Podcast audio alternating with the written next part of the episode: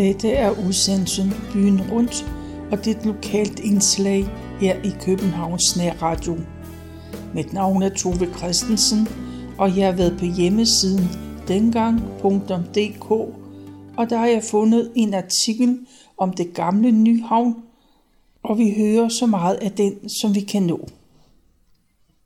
Efter ordre fra Christian den 5., så blev kongens nytår og Nyhavn brolagt. Hele det omfattende arbejde, det startede i 1670. Det var soldater, der blev udkommanderet til at grave kanalen. Det var faktisk også soldater, der fungerede som politi på Nyhavn i den første tid. Kongen befalede, at alle, der havde grund langs kanalen, de skulle inden seks uger lægge disse indpæle ud til deres ejendom. Men det knep med at efterkomme den ordre. Men tre år senere så åbnede Københavns nye havn med at dæmningen den blev gennembrudt. Og Frederik den tredje søn, Ulrik Frederik Gyldenløve, han ejede en stor grund ved kanalen, og han lod Charlottenborg opføre, og han var også sponsor til det meste af boldværkerne. Flere af kongens betroede mænd følte sig mere eller mindre tvunget til at overtage den nye grunde. De har sikkert ikke bygget på dem, men de har solgt dem videre til folk af mere borgerlige herkomst. Og flere af Nyhavns ældste huse, de eksisterer i dag. Men i tidens løb er det jo blevet ombygget. Læg også mærke til sidegadernes vinkelrette stil. De eneste, der bryder dette, er strandstræderne. De lå der, da Nyhavn blev anlagt. Det var de også oprindelige veje til stranden. I kanalens første tid var der store skibe, der søgte til her. Der var tremaster, der besejlede hele verden og købmandshuse og provianteringsforretninger, de opstod hurtigt langs kajen. Snart fulgte små broer og logihuse. Op og ned af den mundre gade, der vrikkede prostituerede pigebørn lige fra 13 år og til rynkede kvinder omkring de 70. Også mange smuglevarer er glædet over skibsrillingerne. En stor del af sømændenes hyre, de blev brugt der. Fidusmager, bundefanger og piger blev tiltrukket af det broede liv. Og blev søfolkene snydt, ja, så faldt der en proper næve. De ville ikke finde sig i noget. Men københavnerne, de ilede til. Fra kajkanten kunne man købe fisk, kartofler frugt og meget andet. Det blev sejlet hertil fra provinshavnene. Også grossisterne holdt her med deres arbejdsvogne. Og sømandsmissionen havde i forrige århundrede haft huse mange steder i de tilhørende gader rundt om Nyhavn. Og i 1881 der erhvervede man sig brikken Fortuna, der var strandet i Køgebugt, og den skulle ophugges. Man købte den og byggede skibet om, og der blev indrettet kirkesal og læsestue og skrivestue. Og skibet fik plads for enden af Nyhavn ved Kongens Nytorv. Men skibet, det var gammelt, og efterhånden så rådnede det op. Kvarteret tiltræk også det bedre borgerskab, og almindelige kunstnere slog sig ned her. Der er sket meget i Nyhavn, og mange mor gennem tiderne, og kanalerne de mindede om mange selvmord. Der blev spillet, drukket, og der blev lokket. Godmodige sjæle blev snydt. Fulde svenskere blev rullet, og pigerne gik i hundene. H.C. Andersen boede på tre forskellige adresser i tidens løb på Nyhavn. På et tidspunkt så boede han i nummer 18 på den pæne side. Det er her, hvor Charlottenborg ligger. Og det var mageløst, sagde den berømte digter. Rygterne vil vide, at havfruen skjulte engelske flyver under besættelsen. Tyskerne, de måtte ikke komme på Nyhavn. Det måtte Gestapo til gengæld. Men så havde man en hemmelig udgang, der gik hen over taget. Og mindeankeret, det blev sat op i 1951. Det var til minde om alle de 1600 danske søfolk, der mistede livet under 2. verdenskrig. Og tidligere var det et andet mærke på stedet. På solsiden, guldkysten eller den uartige side, der skød den ene hus op efter det andet. Det er som om der er helhed i Nyhavnsbygninger. Der er en symmetri. Og så går vi ned ad den uartige side, og vi begynder i nummer et. Her var der en indrettet vinhandel, og her startede Københavns første blomsterhandel. Udvalget, der har nok været mere beskedent end i dag. I 1776 så købte vinhandler Lars Rasmussen ejendommen. Som det var sædvane, blev der indrettet en lille skænkestue i forbindelse med vinhandleren. Og her blev der skruet et bord fast i gulvet, og der var lavet faste bænke.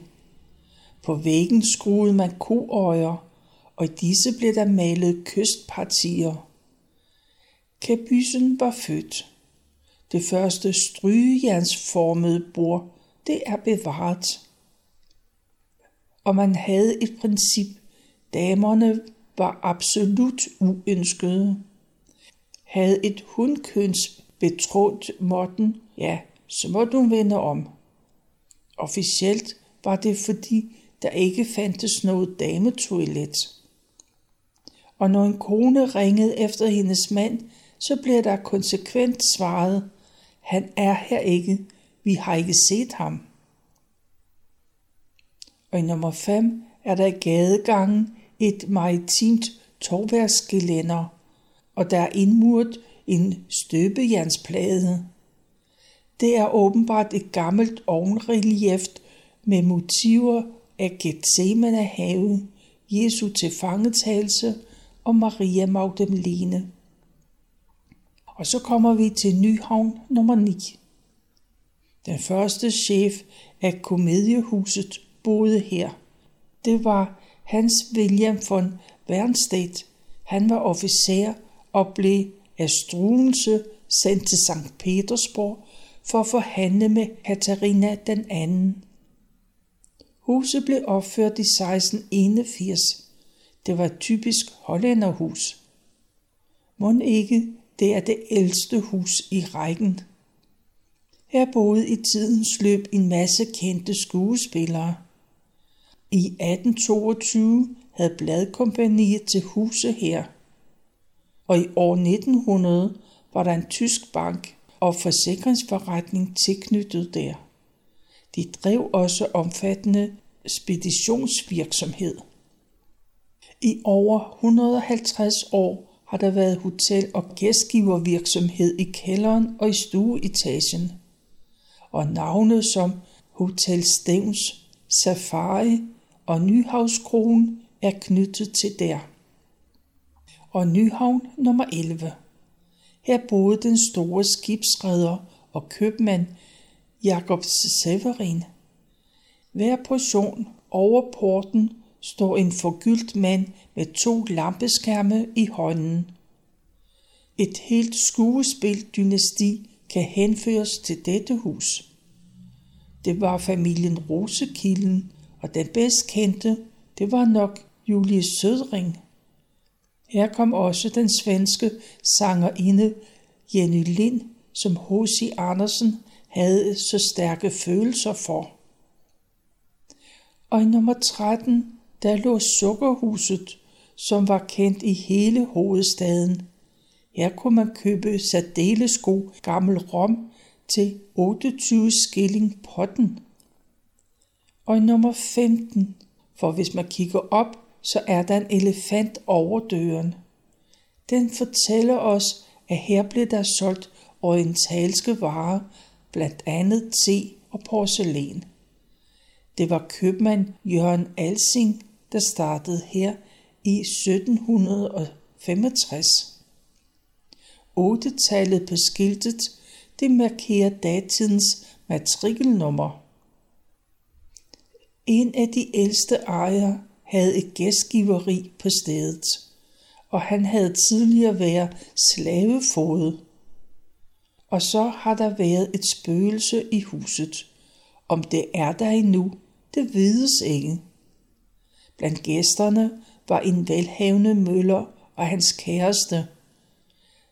Verden og gæsten, de begyndte at kaste terninger. Efter tre dage havde mølleren tabt alt. Hest og vogn, sin mølle og sin kæreste.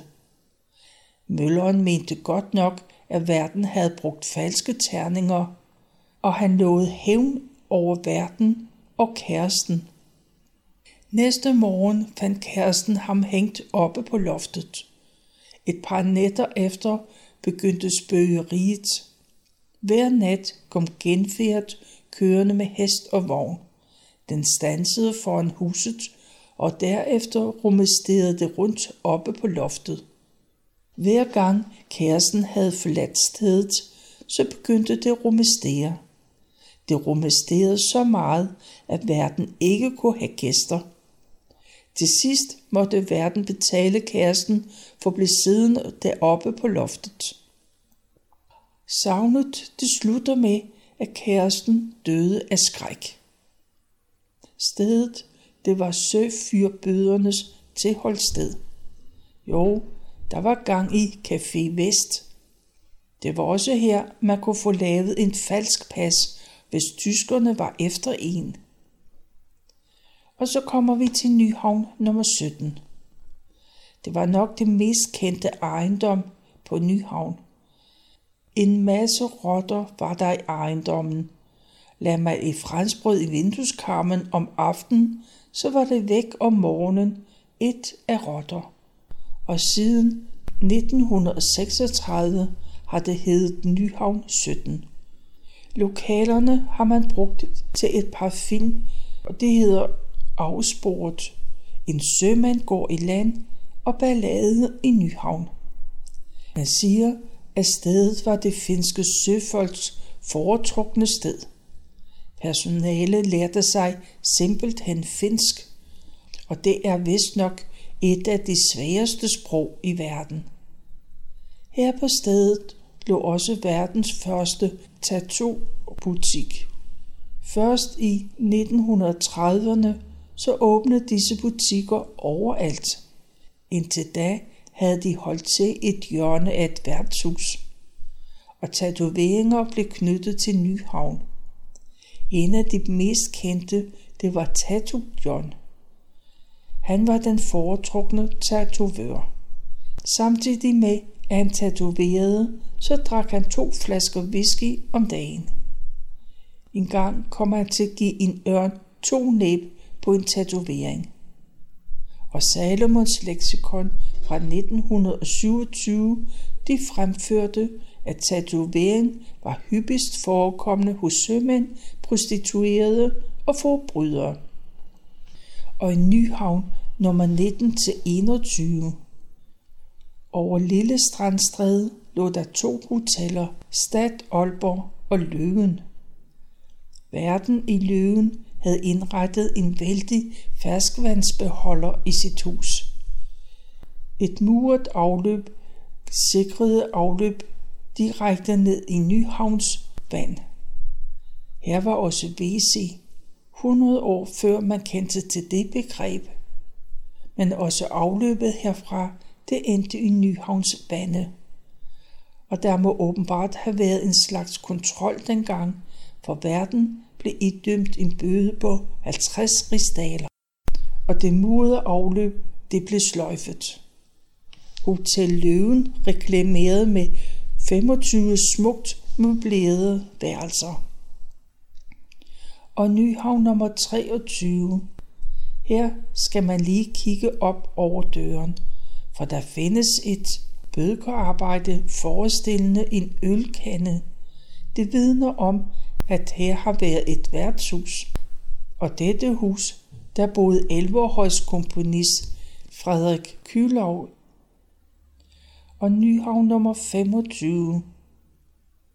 Der lå Café Hyttefadet, og skiltet det har Asger Jorn malet, og vægmalerierne er dog ikke af ham, men af Hans Sørensen. Og i nummer 27, der har vi Skipperkron. Det hed vist nok Shanghai før i tiden, og denne restaurant blev uforglemmelig i Sifri Pedersens tekst. Sangens Katinka boede i Shanghais baghus, og dertil hørte kun en hønsestige. Går man ind i gården i nummer 29, så finder man en 200 år gammel svalegang. Der har hotellet Stad Flensborg holdt til. Og i nummer 31 boede storkøbmanden og skibsrederen Andreas Brodenhoff til sin død. Han havde tjent formuer på en tømmerhandel med den kongelige marine som største kunde, og han blev begravet ude på assistenskirkegården. Her blev hans enke Gertrud også begravet to år senere, men hun var åbenbart kun skindød. Ifølge hendes bror havde hun røde kinder, da hun blev lagt i kisten. Over gadedøren i nummer 33 er der indmuret en kompasrose, et dannebrugsflad og to sandure, to timeglas. Det var opsat af sejl, flag og kompasmager Rasmus Christian Kok. Og i kælderbutikken, der fødtes Claus Laurits Andersen. Han tjente en formue som cigaretfabrikant i Kina. Og i nummer 35, her startede Jørgen Thomas Bæk i 1756 som hårhandler. Det var i rokoko-tiden, hvor såvel herrer som damer gik med store hvidpudrede perukker. Herfra matrikel nummer 18, også kaldet Solen, begyndte han at handle med andre varer. Nyhavn nummer 37 har en meget flot gård, og den smukke gavlkvist, den stammer dog ikke fra opførselen. Huset blev tilføjet med en etage i 1790. De tre fag store kvist, de rykkede en etage op. I kælderen havde Tattoo Jack sit værksted med masser af farvestrålende tatoveringer på skiltene og i vinduerne. Her var sommerfugle, nøgne piger, blomster, slangeomvundne dolke og sømandsgrav. Og i nummer 39 fra Dampradions Danmarksdage, stammer familien Hansen. Den blev opfundet her af forfatter Jens Lokker. Nyhavn 41 er opført i 1698. Her boede en kompasmager. Det ses på stenpladen over gadedøren. Manende alvorsord hørtes selvfølgelig med. Skiltet er dog først sat op i 1761. Stedet blev engang kaldt for Nyhavns Vivex. En overgang var det en berygtet brændevindshule, som man kaldte for solen. Og i nummer 43 var den gamle købmandsgård. Den er opført i 1787. Den består af et forhus med facade til Nyhavn samt to pakhuse i gården og en tidligere standbygning i baghuset. Op ad jorden stikker pludselig to kanonløb. Det var vel for at skåne murværket for hestekøretøjer. De sigter dog faretruende mod de forbipasserende. Her boede i 1800-tallet den senere generalmajor Frederik Bylov. Han kendes som sejrherre ved Fredericia. Og Nyhavn 47. Der står på et skilt nogle vise ord. Mit håb beskæmmes ej. Til Gud, han er min klippe. Hans hånd var ikke skal i nogen modgang slippe. Og i nummer 49. Og nu er vi kommet op på den anden side af Tolbogade. Huset det er opført i 1744, men er ombygget i 1800-tallet. Også denne købmand, Peter Johansen, han reklamerede i Adresseavisen, der står hos Peter Johansen i Nyhavn på hjørnet af Tolbogade sælges bedste Petersborger lys og tælje samt russiske baste motter, te, kaffebønner og potaske til billigste pris. Og i nummer Nyhavn 51 kommer vi forbi en af de små huse på Nyhavn. Det er fra 1766. Det kan vi se på tavlen over gadedøren. Og før nummeret indførtes, har huset sikkert heddet Lammet. På skiltet står også nogle bogstaver. De står for bygherre og hans hustru Henrik Lambertsen Engel og Karen Nielsdatter Holm. Det fremgår ikke af skiltet, om manden var øltapper, men der står, at hidtil har herren hjulpet. Under besættelsen sørgede Schalsborg-korpset for, at huset det blev ødelagt. Og huset det er bygget op i den samme gamle stil. Mund den gyldne lam stadig ligger der i kælderen, for skiltet forkynder, at afholdsmænd og andre, der vil ødelægge glæden, bør ikke opholde sig i lokalet. Og så kommer vi til nummer 53. Det er et stort femetages hus, opført midt i 1700 af skipper Hans Jakob Tofte. Den nuværende facade den stammer fra en ombygning i 1890'erne. Midt i 1800 der boede komponisten P.A. Heise i huset. Heise har komponeret musikken til en væsentlig del af vores fædrelandssange. Og i nummer 55 boede H.G.F. Holm. Han lavede de skønneste akvareller fra Nyhavn. Han blev kaldt for Fattigholm. Han døde i 1861 uden at have fået anerkendelse. I dag handles hans kunst for skyhøje priser. Dengang kunne man købe hans akvareller for en ristaler stykket. Holm har sit liv igennem malet Københavns gader, huser og pladser. Han gik på konditori i Store Strandstræde det var et samlingssted for datidens kunstnere. Her kom H.C. Andersen også, og konditoriet hedder i dag Restaurant Els. Skuffelsen satte sine spor i maleren, og Fattigholm greb til flasken.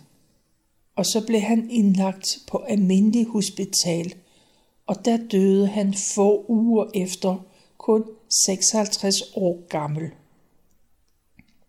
Nyhavn 59. Den bygning blev kaldt for Aarhus Domkirke.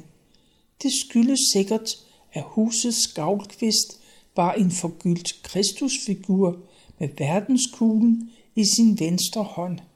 Figuren forsvandt ved ombygningen, men er nu kommet til ære og værdighed på facaden ud for første salens vinduer. I dag kaldes bygningen for guldmagerens hus. Husets bygherre, det var koversmed Henrik Im. Han ejede flere ejendomme i staden. Han omgikkes alkymister.